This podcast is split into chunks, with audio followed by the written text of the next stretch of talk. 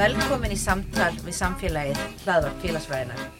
Gestur dagsins er Julian Go, professor í félagsfræði við Háskólinni Chicago í Bandaríkjónum, en hann er stattur hér á landi sem einn af líkil fyrirlesurum á ráðstöfnu Norræna félagsfræðingafélagsins. Rannsóknur Julians tengjast nýlendustefnu og síðnýlendustefnu með sérstak áherslu á Bandaríkin sem stórveldi. Rannsóknur hans hafa byrst í mörgum helstu félagsfræðitímaröðum heims og hann er höfundur þryggja bóka. Svo nýjasta, Patterns of Empire, The British American Empire 1688 to the Present, var gefin út af Cambridge University Press árið 2011 og hlaut hún verðlaun bæði frá bandarísku félagsfræðisamtökunum og bandarísku stjórnmálafræðingasamtökunum. Á næstunum er nýjasta bók hans verið gefin út af Oxford University Press en hún ber titilinn Policing Empires, Race, Imperialism and Militarization in the US and Great Britain 1829 to the Present. Ég mun nú skipti yfir á ennsku. Thank you so much for being with us today, Julian. Thank you for having me. And I usually like to start by getting a little bit about the sociological journey of our guest. And you started with getting your BA degree in sociology and political science at the University of Michigan. Could you tell me a little bit about what led you to sociology and then wanting to pursue your PhD in sociology that you did at the University of Chicago? Yeah, so I started um, at University of Michigan, not knowing what I wanted to study, and at that university, as most universities um, in the U.S. and probably elsewhere, you have to take a wide variety of courses. I just sort of randomly took a sociology course, um, and I randomly took um, other social sciences, and I just really, really liked how social science was talking about important issues that I was concerned about. I was um, I think my first class was just a social movements class. It wasn't even an intro class. And here there were these people studying and talking about social movements that were going on around me. This was the 1980s. And so in the United States, some of the big social movements were around um, uh, gender rights. They're around um, uh, anti-abortion versus you know uh, pro pro-choice. There was um, social movements around apartheid. Apartheid was still going on in South Africa, and so it was fantastic to take a class that was actually talking about these current issues. And so I was really taken by sociology from the beginning. And then I learned that um, you know, political science also talked about similar things. But one of the great things about sociology that maybe some of your listeners probably understand already is that there's such a wide variety of topics that you can discuss. And you can be a sociologist who one day is studying um, health and medicine, such as yourself, or maybe you might want to study social movements um, around health and medicine, or maybe you want to study, um, you don't want to study health and medicine at all. You can do theory. So um, I loved that sociology was so wide ranging, and I learned that very much as an undergraduate. And so sociology, in many ways, was a natural choice for me, just because I, um, because it was it was so open to many different things. And to many different methods as well. So exactly. It's like one of the things that is really with sociology. It's the topics, and as we often like say here, like nothing is how do you translate it uh, nothing is like uh, not important to sociology. I'm missing like a good word, that, uh, but also like the methodological mm. breadth. For sure, for sure. And I like that um, I wasn't a huge quantitative person, although I, I, did do some quantitative work, but I did like that you could have various methods, um, including historical methods, you know, which I became interested in there. And then you decided to pursue your PhD in sociology and at the University of Chicago, what was that experience like and what kind of questions did you sort of have mm. as hmm. you were starting in graduate school and uh, as you like went on in your studies? Yeah, so uh, I started University of Chicago in the 90s as a student and it was a huge, huge cohort of mine. There were probably 30 people in my year alone. Um, and it was just a very exciting time, and everyone was um, interested in a lot of different things. And I eventually became interested in um, historical sociology, which is uh, a particular subfield that mixes history and sociology. And I was very interested in that. I, I learned that I suddenly became very interested in, in thinking about um, the past as well as the present and how the past impacts the present. And so I, I was working with various people at Chicago who were doing historical sociology, one of whom was Andrew Abbott, who does a lot of different things, but he at the time was really thinking about historical sociology. And some other professors there were all very interested in history. So I, um, yeah, I became riveted with historical sociology in particular, among the, the other things like theory. Um, but uh, it was it was a really exciting place because it was very interdisciplinary as well. You could be in sociology, but you could learn from and take a lot of classes in other disciplines. And I did that. And I also became, you know, very interested in taking history classes because I was his- interested in historical sociology. So yeah, it was a very exciting and a very open time of um, learning about a lot of different things. I miss that about grad school. I don't know. You must at Indiana. You probably you know was you take all these different classes, right? And it's just so fun to learn about so many different things. And I miss that actually. well, I think that's one of the things, and especially like as we have graduate students who are complaining about yeah. their lives and how difficult it is, and you're like, you just don't know. Those are the best years of your life. Yes, those are the best years. Because of this freedom. Like, yeah. Like you know, you can just sort of be in exploring ideas, exploring methods, perspectives. Yeah, and you can read books, and you're supposed to read books. And I mean, you know, it's really hard these days to craft the time exactly. to read a lot of new stuff. So I miss that, and I just I really enjoy grad school. So you know, that's one of the best things about grad school is that freedom. You have relative freedom, and I think you're right. I think there are some students who don't appreciate that. They definitely should appreciate that. It's it's so uh, it's so exciting. Yeah. And I wanted to follow up a little bit on historical sociology mm. because I think it's sort of a distinct perspective from like a lot of other subfields, mm -hmm. uh, both in terms of like obviously maybe some of the subject, but also in terms of the orientation. Yeah. So if you could maybe just tell me a little bit more about it, how it's different, and also how do you actually do it? I think that some of the titles of your books. I mean, mm. when you go from like 1688 to the present, like how can you study yeah. something over such a long period of time? Yeah, so first of all, historical sociology is different from mainstream sociology in that it takes the past and historical process very seriously. So it it it doesn't think of outcomes as um, the product of just variables, but as a combination of what we would call variables moving in time. Mm. And it sees out social outcomes as the products of a long past social processes and sees current outcomes as part of ongoing social processes. So there's almost never a social outcome that we explain. We always think about things as in motion mm. over time. And so it's a deeply temporal kind of um, way of thinking about society. It's different from history in that, um, unlike a lot of conventional historians, so historical sociologists are much more willing to talk about big patterns. And so we, we look at the past not just as things that happened in the past, but as part of this flow of social processes that maybe take on patterns and that have larger um, logics structuring them. And so um, a lot of historians are very interested in particular events or a certain um, uh, particular thing that happened, and they see it, you know, as something that um, is the outcome of is unique. But historical sociologists are very willing to to think about what may seem like a unique event as actually part of similar structures and similar patterns over time.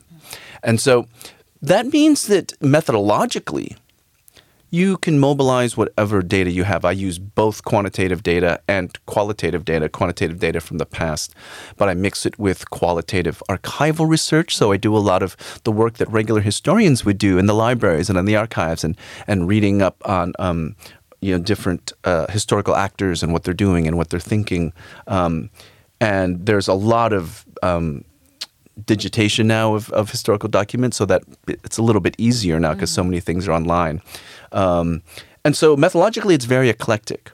But what, what really drives it, I think, all of the different methods is that it's really trying to get at patterns over time. Mm. That's the way I think about historical sociology. And sort of, uh, as you know, thinking about multiple centuries to try to explain something isn't big enough, you also talk about that your work is a part of global sociology and you're a global sociologist.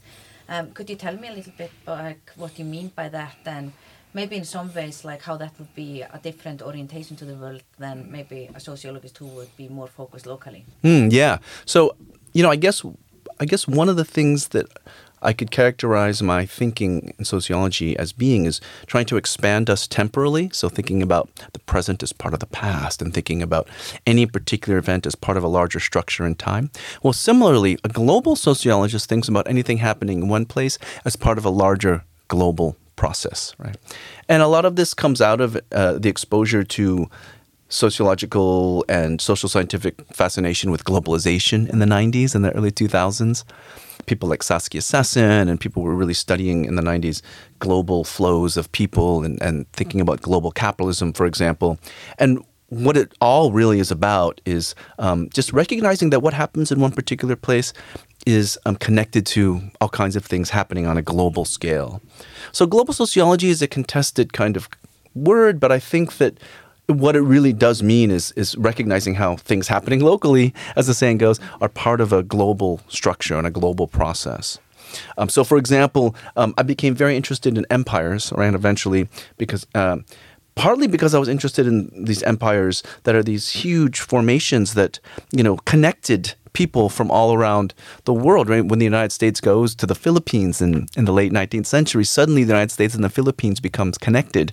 Um, in a way that um, is really profound for both places in all kinds of complex ways. So I really became interested in these things called empires and how they change over time, and how today, even though you know we don't have the same kind of empires that we had in the past, we have both different kinds of empires and we have the legacies of those empires, right? So the Philippines and the United States still have certain connections. I actually was born in, in, in the United States, but my parents came from the Philippines. So my own personal history is deeply global. And I, I came to the United States and I grew up in the United States, and a lot of that has to do with this global history of American empire. Um, so yeah, the global part is something that uh, I think is really important. I think sociologists um, do well to think about there's bigger things out there than just what's happening in our backyard. Mm-hmm. And sort of related to the empire, like you also really focused on colonialism and post-colonialism, and maybe just sort of talking a little bit about both what we mean by those concepts and also why it's important for sociologists to think in this way, and I mean in many ways maybe sort of like broadening up maybe more traditional local sociology. Yeah, for sure. I mean, I was interested in historical sociology in the 90s, but one of the things that historical sociologists weren't talking about was empire and things like colonialism. And I started reading about these things. I learned about them from historians.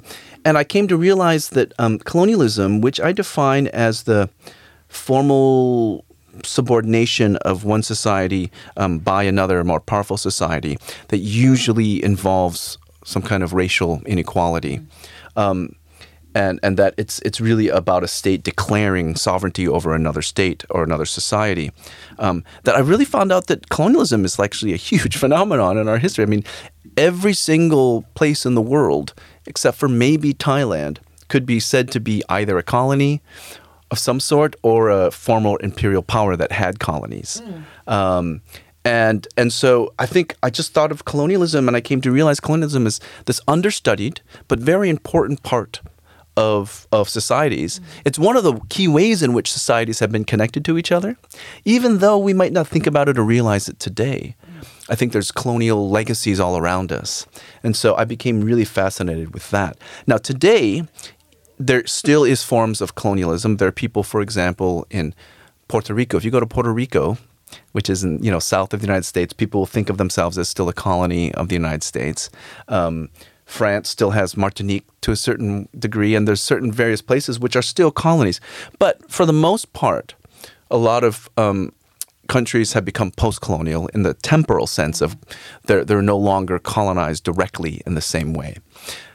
We have, of course, forms of global hierarchy and power. We can think about it as neo-colonialism, so, which is what some of the um, anti-colonial thinkers thought about the independence period as just instituting a new period where foreign powers like the U.S. or European countries are exerting control. Just even if it's not in the same old colonial method, it's still through finance or, and debt or other forms of control. So you have sort of neo-colonialism today, but you know the, the the legacy and persistence of colonialism, I think, is really strong.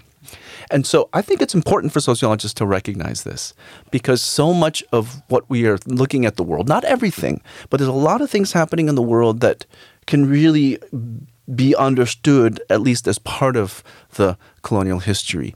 Just to take one example, you know, a lot of the immigration patterns to the United States and even to Europe now are coming from places that are former colonies, right? And so there's, you know, um, colonial history shape um, patterns of movement uh, of peoples. Uh, colonial histories also shape um, economic conditions today. I mean, the same countries that, you know, on a, on a, on a sort of statistical scale, the same you know the same countries that uh, were colonized and exploited um, in the past, the vast majority of them are still exploited and they're poor today. So global inequality between nations very much is a legacy of these colonial pasts. So if you're interested in societies and inequality, and if you're interested as a historical sociologist and global sociology as I am, then you really can't ignore colonialism. And so I really wanted to understand, and still I'm trying to understand how colonialism impacts everybody, not just the colonized peoples and their post-colonial societies, but also, you know, even I'm, I'm I write and research in the United States, and there's colonial history shaping the United States all the time, and and, and I think it's really interesting to to, to study those. Mm-hmm.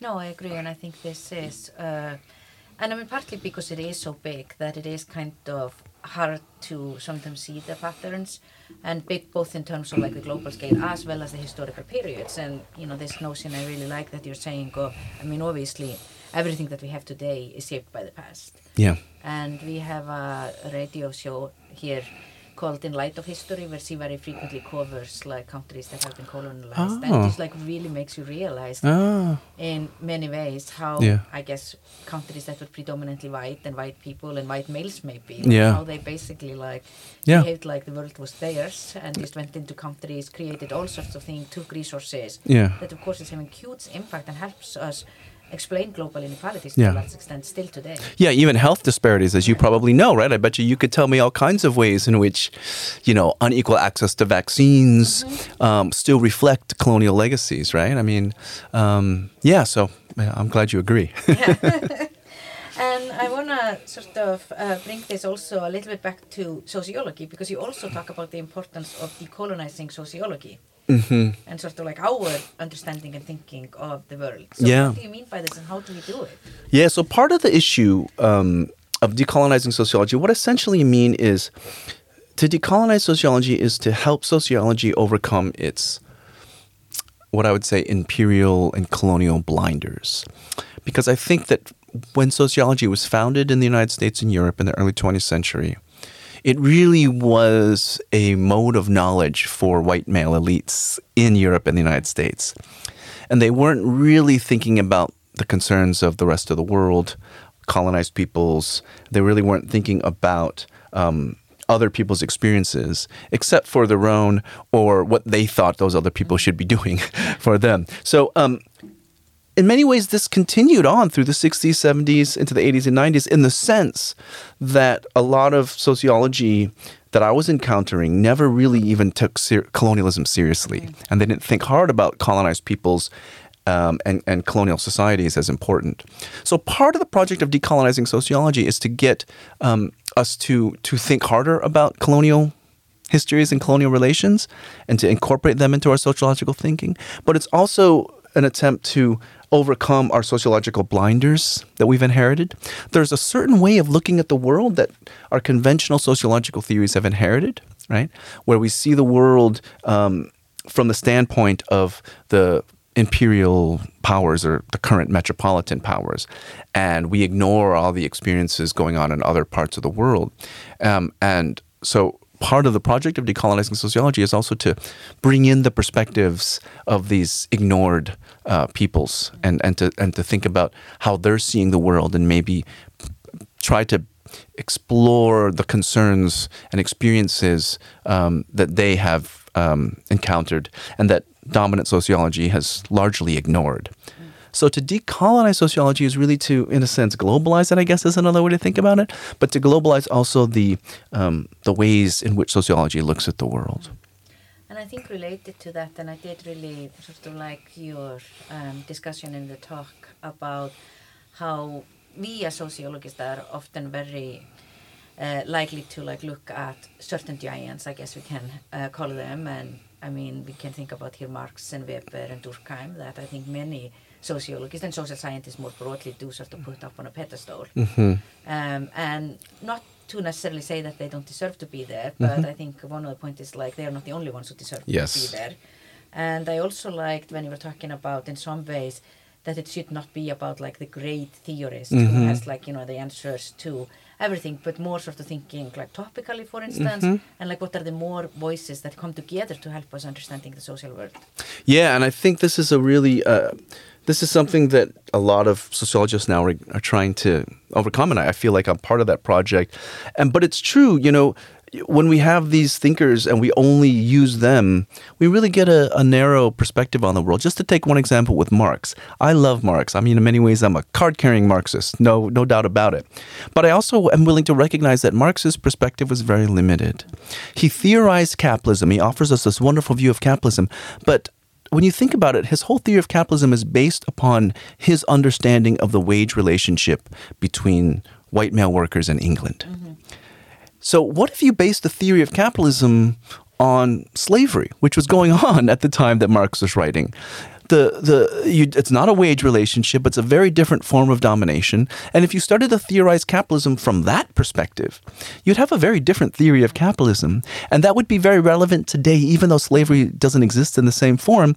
You still have certain kinds of racialized exclusions. You have certain kinds of bonded labor, uh, whether it be sexual, you know, slavery or other kinds of certain kinds of bonded labor that are going on, but that our conventional theory of capitalism just kind of ignore or think about as marginal to the system. And I think that has to do with the positionality and the standpoint of these early theorists.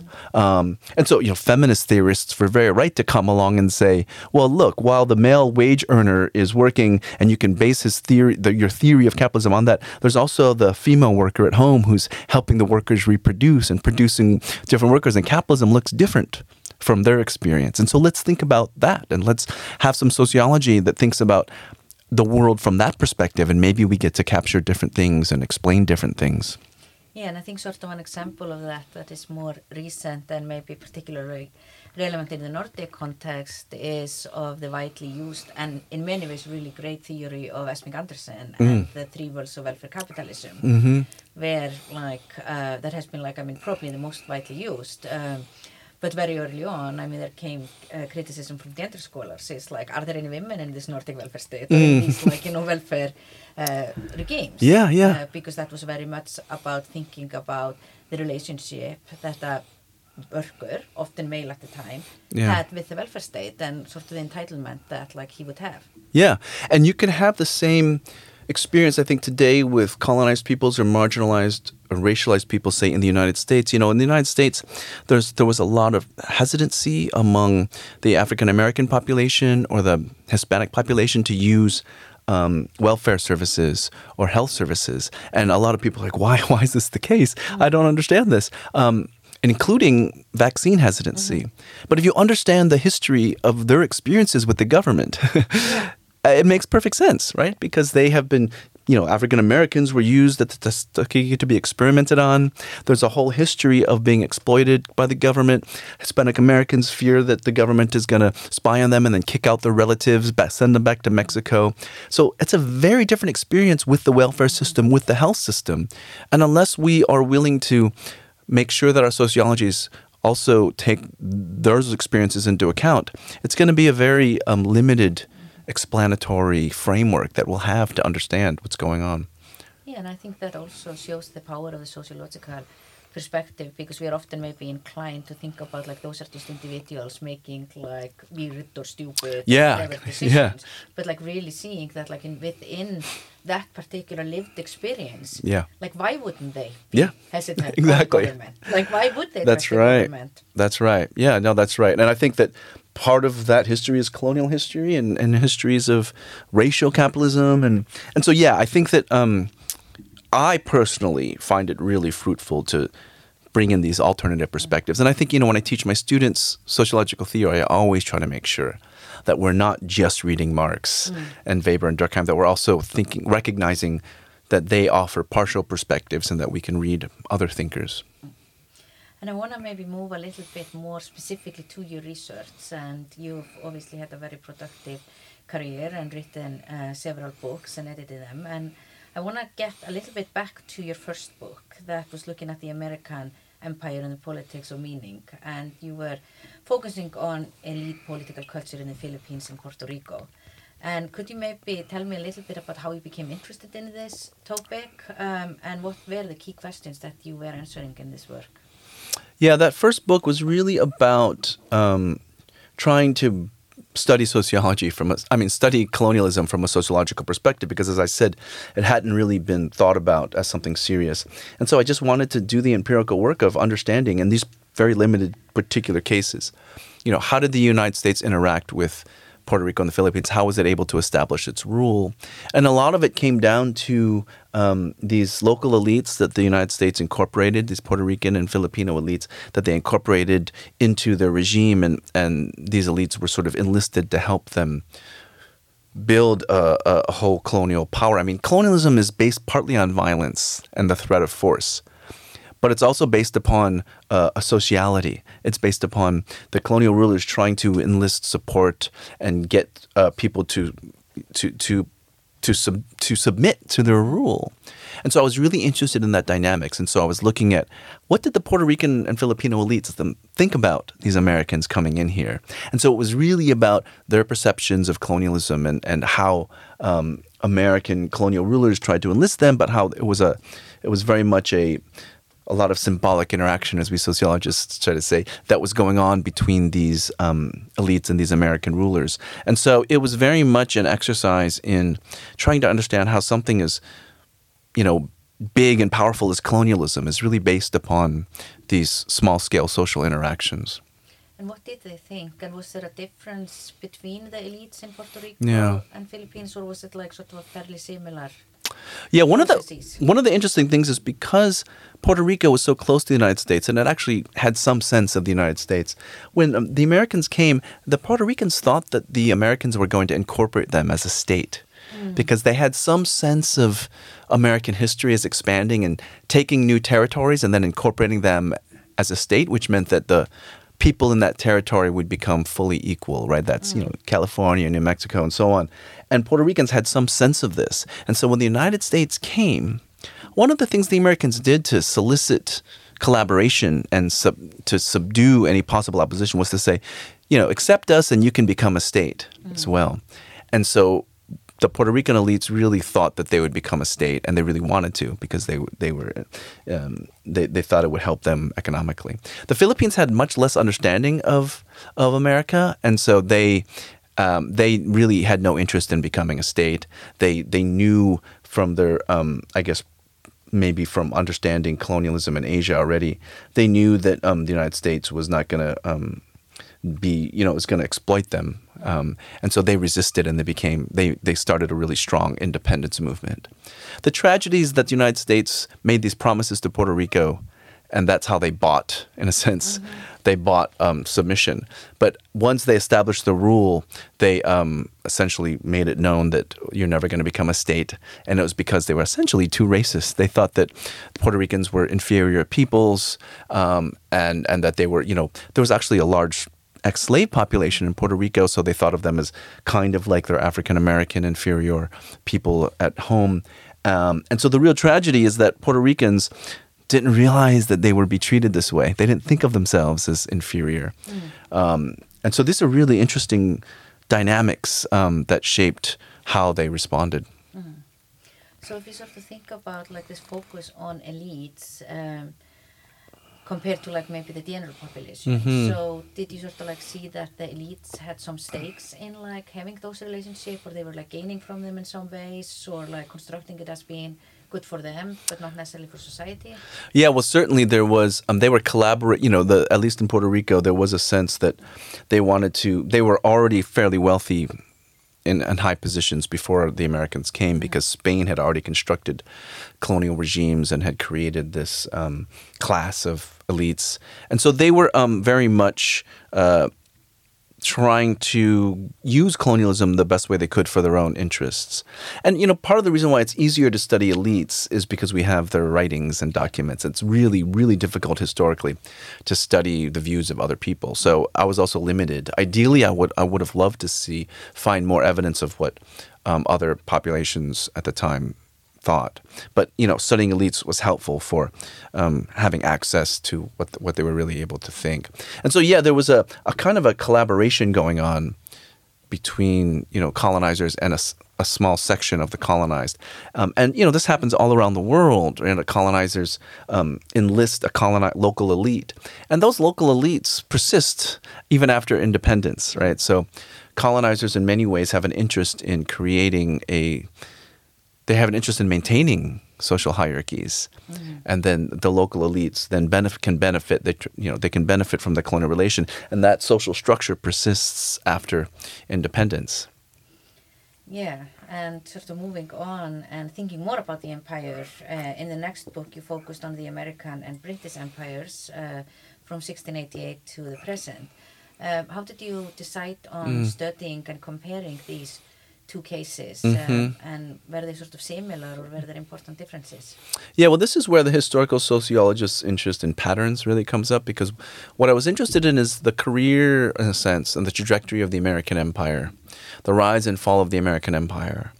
And to understand that, it helped to look at the other major empire the British Empire, which was also a major empire. The British Empire was the biggest, most powerful economic hegemon in the 19th century. The United States was the biggest and most powerful economic hegemon in the 20th century. And so it made sense to compare their growth and, and what they did and their possible decline. And so one of the one of the arguments of the book is that the American empire uh, has a, a trajectory that recapitulates that of England, which is essentially a rise to power through colonialism and, and, and exploitation, a period of um, hegemonic stability where it's sort of enjoying its great power status, and then a period of decline where it becomes more less and less powerful relative to other nations. And England went through this, the British Empire went through this, and so did the United States. And so even through today, the United States is in the period of decline right? Mm. And it's been a good at least at least 20 years or more where the United States has been sort of on decline in the sense that you have all these other rising powers, mm. particular China. You know, the United States used to have close to 50% of the world's GDP in like after World War II mm. and into the 1950s. Today it's like 20 23%. The EU has equal amounts. China has is, is rising in its share of world world economic power.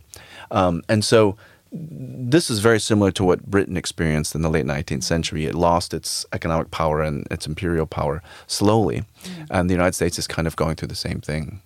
And has been going through the same thing. So, the American empire, it's not a question of, you know, will the empire fall? It's a question of, you know, how long will it hold on mm. to the, its meager power? Mm. Yeah. And also, sort of thinking about, I mean, obviously, there are some societies that are way more powerful than others but also I think kind of this notion of will we be in a world where you really have like one dominant nation as we have often had in the past? Yeah. Or is it going to be collections of blocks as you yeah. mentioned with yeah. the EU? Because I mean I think and we are not a part of the EU but we experience mm-hmm. it. Like, mm-hmm. Sort of the EU is much more a powerful entity than even you know large nations like Germany and France. Yeah, yeah, and so I think that you know when you think about global society, what global society is going through today is a period of multipolarity where there isn't really as clearly a single power. We're becoming a, a, world society where there's multiple power centers, right? So Asia, China, the United States, um, uh, the EU, and it, that's different from the way it used to be when there was, you know, there has been like I said, in the middle 20th century, the United States was unqualifiedly the main dominant power. Britain in the 19th century. But sort of, I think the world society or the world system goes through these stages of where there's one dominant group, i.e., a dominant nation or dominant empire, but then that empire declines, and then you have a, a, a stage where it's more equal in a sense, where there's a, at least at the top, there's some uh, rival players in the system. The only thing that's not great about that is that in the past, when we have gone from a stage to where there's multi a, a multipolarity in power. It's unfortunately ended up in World War. That's what happened with World War One and World War Two. That's what happened with the Napoleonic Wars. Um, so it's it's not a great. It's it's it's it's it's historically it's it's a tough situation to be in, and the challenge is. Can we have a multipolar world that doesn't lead to war? Right? Can we share power at the top um, equally without anyone being too greedy? And therefore, um, usually what happens is you end up you know with war Yeah. so that's the real challenge for today and that's one of the things that interest, uh, history has shown and led me to think about is um, just this recognition that we are in a this peculiar multipolar society world society that in the past unfortunately hasn't ended well so how can we channel it um, and take advantage of it in, a- in a good way Mm. It's obviously a major concern Mhm, given the state of the world today. for sure yeah And thinking about, in some ways, um, moving like the global perspective uh, more locally, you also have a recent article in American Journal of Sociology where you seem to like use this perspective to understand U.S. society itself, and then particularly the imperial origins of American policing. Uh, could you tell me a little bit about what you're looking in at in this article and how Yeah. you're doing it? So um, that article is actually part of this larger book project. I'm researching. Essentially, it's a historical sociology of policing in the United States and then in Britain, because um, Britain and the United States have a lot of similarities. They come from the same policing traditions, um, and this has become an interest that I've had beginning in the early 2010s, 2014, um, and then 2016, of course, um, when you had all these massive riots in the United States against racist policing. One of the things that I, I, I- I began to think about is how policing is in the United States is so militarized. And police look just like the army, and that this is one of the things that um, uh, a lot of African American populations in the United States are protesting against, but it's also obviously they're protesting against the violence that that brings. Um, uh, but it, it is a, a, phenomenon of, of the police becoming essentially like a, a violent coercive power. And when you look at the history of it, um, it's interesting because it's an example again of this global historical perspective that I always adopt because the way in which the police, this militarized police, have treated um, African American populations, and in, in, in England, actually, the, the way in which in the 19th century it treated Irish populations, and now more recently, um, its Afro Caribbean populations, is just like the way police and the military treat co- colonized peoples. And so basically, the article and the larger book is about how the police essentially draw from the tactics and tools and ideas uh, about how to dominate colonized peoples, and they use them on uh, populations in their own society, in the metropole. And so this is exactly what's going on in the United States. Um, it's not only that the weaponry that the American police use today comes from the army and that was used in Iraq and the Middle East wars and the war on terror. It's that um, when you go back historically, it's always been that, that case that, that the imperial interventions uh, have brought about these tactics of violence and tools and technologies of violence, even that are then used on um, local populations at home. Um, oh, an extreme example is um, the use of uh, torture methods. In Chicago, the Chicago police was found to have used um, electroshock on interrogation suspect, African American like torturing African American subjects in the beginning in the 1970s and through the 80s. And what was discovered is that the, the police officer who led this was a veteran of the Vietnam War. And he had witnessed similar techniques that the Americans used in Vietnam on the Viet Cong. And so this is one example. It's not just weapons, but it's also these tactics. In this case, extreme case, it's interrogation tactics. But uh, all the way down to all these things that police do to police their societies, at least in the United States and in England, a lot of it has come from the imperial periphery, from colonized societies, from imperial wars. And so this book is really about that history, and it's about tracing all the ways in which um, the police in the United States and England um, are really essentially kind of colon- colonial police, and it's it's really trying to um, situate this thing that's happening in Detroit or Ferguson or the United States and realize the global colonial history of it all. Yeah, and I think one of the things, um, and I think many Icelanders and maybe uh, people in some other European countries really are wondering what's going on in the US. I mean, it seems like there are so many things that seem to have been so wrong in the past like five, six mm-hmm. uh, years, including like this sort of coming to the forefront, mm. the relationship between the police and African Americans in particular, but I mean, I think it can probably be extended to other minority groups mm-hmm. as well. Um, so why do you think that this is sort of getting so much attention now, and how does that maybe mm-hmm. sort of also relate in some ways to sort of shifting powers in the population that like a lot of the groups mm. who maybe in the past didn't have a voice are not accepting that kind of society anymore.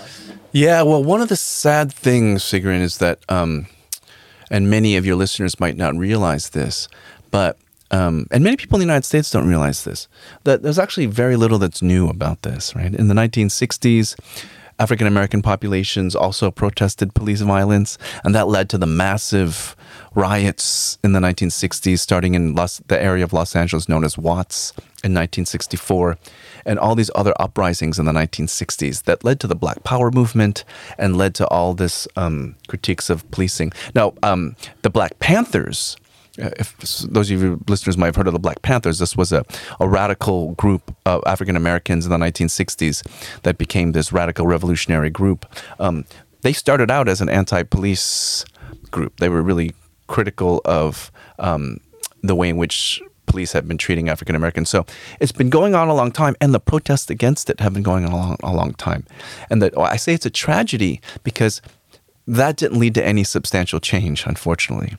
And the worry today is that despite all these protests today, there's also um, not a lot of uh, change might not happen. So, unfortunately, the reason why the protests are happening and getting a lot of attention today is because um, you know, we, we forget that actually it's been going on for a long time, and that I think that the spectacular acts of violence that you can record on um, phones have made a difference. They made it more public, more global, so that even if you're in Iceland, you can watch a video of the way in which police have used violence against African American populations. I think that's made one big difference, but the actual protests themselves are not that different. They've been happening a very long time. That's the tragedy. Yeah. Yeah, and sort of that also moves us away from thinking about it's just like the word of person versus a word of another person. And of course, we know very often when it's a word of a very powerful group versus a yeah. Group in uh, less power, we kind of know how that is going to end. But it is kind of interesting to think about this and also thinking about what you were talking about when you were at the University of Michigan with like abortion rights and mm. women's rights and then you think about like you know where are we in the US today yeah some of those issues so I think that we often have a tendency to maybe just thinking that like as societies develop we are on some kind of a path of progress. Yeah. things just like you know get like better and better. And we solve some issues. But it seems like historical sociology can really have the power to show us that in some ways like we are in this I don't know, like paths of like some progress and then like we go back. And that we are often in dealing with very similar issues that maybe we thought we had solved. Or That's that right. something new is emerging. And like now those are the times that like you know have these uh, kind of issues or those kind of moments but you don't have to look very far in the past to see that this has also is something that's being replicated. Yeah, and that's exactly part of what's going on in this new book and that AJS article is looking at the past to realize that we're kind of been going through cycles of police militarization and violence, and then um, protests against it are part of these larger cycles. So yeah, you're exactly right. It's not a a linear trend. The, uh, it's there's cyclical trends as well. Want to think uh, a little bit, uh, move us uh, to talking about theory a little bit. And uh, you have, uh, that's one of your main areas, and you published widely related to sociological theory, and I think it is fair to say that like one strength of sociology is how strongly we emphasize theory, and mm-hmm. I think how much how much many of us care about theory, and I would like to get your thoughts on just like why is theory so important, and how does it help us to produce knowledge that is distinct from maybe other kind of knowledge that is being produced? Yeah, that's a great question. And I mean, you're right. One of the differences, say, between sociologists and historians is that sociologists are much more willing to use theory. So the way I think about theory is that, um, simply put, and this is what I tell my students, theory is a set of it's like a lens for looking at the world so theories are sets of logically interrelated concepts that for me essentially serve as a particular lens or way of looking at the world. So, feminist theories will look at the world in terms of um, the oppression of women and gender inequality. Um, you know, Marx looked at the world in terms of as a capitalist system, but he saw it from the standpoint of the, from the lens of the wage worker in England. Um, and so, all of these theories offer different ways of looking at the world, different lenses. And so that's what I think theory is. And it's important because um, we need these concepts to be able to look at the world differently. Again, if you think about it as lens, then um, you need the lens to see what's going on in a sense, or at least it alerts you to things that you might not be able to see otherwise. So for me, theory is really important for helping us um, think about the world a little bit differently and essentially ask new questions. Mm. So when you have, say, a Marxist theory of capitalism, you ask certain sets of questions um, and then you research those. But if you have a different theory, um, about capitalism, say a feminist theory or a post colonial theory, which looks at capitalism from the standpoint of um, colonized nations, um, then you'll look at the world somewhat differently. You'll look at capitalism somewhat differently, and you'll ask different questions, and that'll lead you to research different things. So I think theory is really important, primarily for generating empirical research, because it helps us think about the world differently and therefore ask different questions, right? And so um, if you have theories of racial marginalization, then you're going to be able to say, look at uh, the experience of healthcare, or like we were talking about before, you'll be able to understand it a little bit differently, or at least you'll have some different hypotheses to test. That is, you know, uh, is this phenomenon we're looking at? You know, how can we? When you look at it from the standpoint of different theories, you you are led to different questions and therefore different um, empirical um, empirical matters. So I think without theory, it becomes difficult to continue sociological research to, to ask new questions. Um, and a lot, I think a lot of people use theory without realizing that they are. Mm-hmm. Um, and so I think it's really important also for sociologists to recognize when they're using theory um, so that you can do it better. Which partly goes back to what we talked about earlier, and I always have students, or often have students come in who are writing like their BA thesis, and they ask me if they have to use theory and then in the conversation I realized they are really asking like do I need to use Max Weber or ah, yeah yeah yeah yeah. And I'm always like well is it relevant for like did they have something to say about your topic? Yes. And there is a lot of other kinds of theories and integration of ideas. I really liked uh, yeah sort of your point about that, that mm, yeah you know we are often ourselves building theory by integrating ideas and voices from multiple yeah. sources. Yeah, and I, you know, I would love to see. Speaking of Iceland, I would be very interested to see sociologists what happens when they look at Icelandic society as a kind of post-colonial society. Mm-hmm. Um, you know, it's a little bit different Icelandic history because you don't have the same histories of racial exploitation. It's not exactly the same, but there are some colonial elements that Iceland, I think, might have experienced. And so I wonder you know, what different questions might you end up asking if you think about Iceland today as a former colony? Um, I think that'd be very interesting. It might generate some interesting new questions. Yeah, I actually was having a thought if there was like some examples that I could think about that are related to our relationship with Denmark and some things that you don't necessarily think about or question, although I've increasingly heard people question this. But one of the things is that like we still learn Danish in school. Oh, really? Okay. And when I was in school, it started out being that we started with Danish, which you know you can love Danish and everything, but yeah. it's not very practical. Yeah, yeah. And then a year later we went to English, uh-huh. one would argue is much more practical. But then now we are hearing voices like, why don't we learn Swedish? Because in some ways Swedish would be much more of a key to like Scandinavian more broadly. Yeah. And like Danish is kind of like less so. Yeah. But of course, I mean, it's a very simple explanation for why Danish was selected and why right. in 2000 and or like when I was in school, like I mean, it was the first language, like yeah. second language. Yeah, yeah. Or um, thinking about even Iceland as a former um, settled colony. Mm-hmm. Um, so the language issue, but also and relations with Denmark, but also you know Iceland's place within say the European structure and how it thinks about itself relative to the EU. I mean, all of these interesting questions, and then also the extent to which Iceland, like some other countries, post-colonial countries like the U.S. or Australia or Canada, these are also post-colonial societies, but they're post-colonial settler colonies um, but that are now experiencing interesting issues because of migration and, and migrant workers coming, uh, which is a kind of a phenomenon of post-colonial settler colonies um, because the indigenous population has been eradicated, and so where you're going to get the labor from, um, and in the United States, um, it came from slaves, um, and in in in in uh, other countries it'll be a different phenomenon, but um, you know, it'd be interesting to think of Iceland and, and how it deals with, say, its immigrant labor force. Also, as, as these are important issues, again, that, that are brought about by thinking about Iceland from the standpoint of colonial theories, maybe, or other race Yeah. theories, for example, right? Well, and I'm thinking about sort of national identity, thinking about politics, thinking about culture, and one of the best known Icelandic book written by the only Icelander who has received the Nobel Prize is, ah. you know, called Independent People. Oh, And in some interesting. ways you would sort of think about independence is probably one of the most important characteristic of the Icelandic nation. And Right. Like this pride in being independent, self-sufficient people. And we have seen some of this discourse being mobilized in terms of like us not joining the EU. And Yes. In some ways you would think about it does not make any sense for like a small nation in Europe with like 300,000 people like no we are not gonna like see any benefit in like being a part of the EU Yeah. but you can sort of like draw on this history and sort of like seeing that as still being rephrased because I mean I think even if it was in 1944 at least like my generation would have a very strong sense of that we didn't always used to be independent Yes. really important for us to become independent Hmm. Very interesting. Yeah, and you start thinking about those issues of sovereignty. I think sociologists should be thinking about those more. Yeah.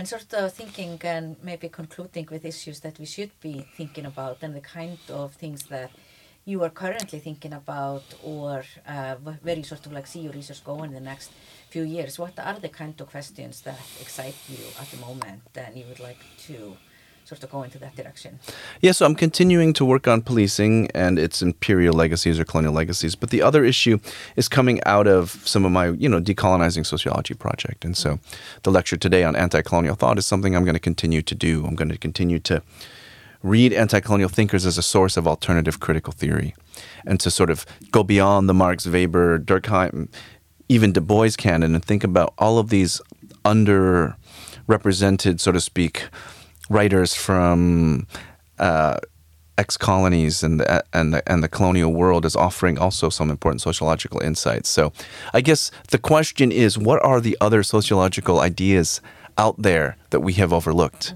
because we haven't been looking in the colonies, we haven't been looking at the colonial world, and so. Um, that's really the the challenge that I've taken on, and others folks that I'm joining other people in doing this. But yeah, I'm really interested in the in, in this decolonizing sociology project, but but doing so by trying to find new and exciting different ways of looking at the world from um, these other parts of the world that we haven't really traditionally looked at as theory making.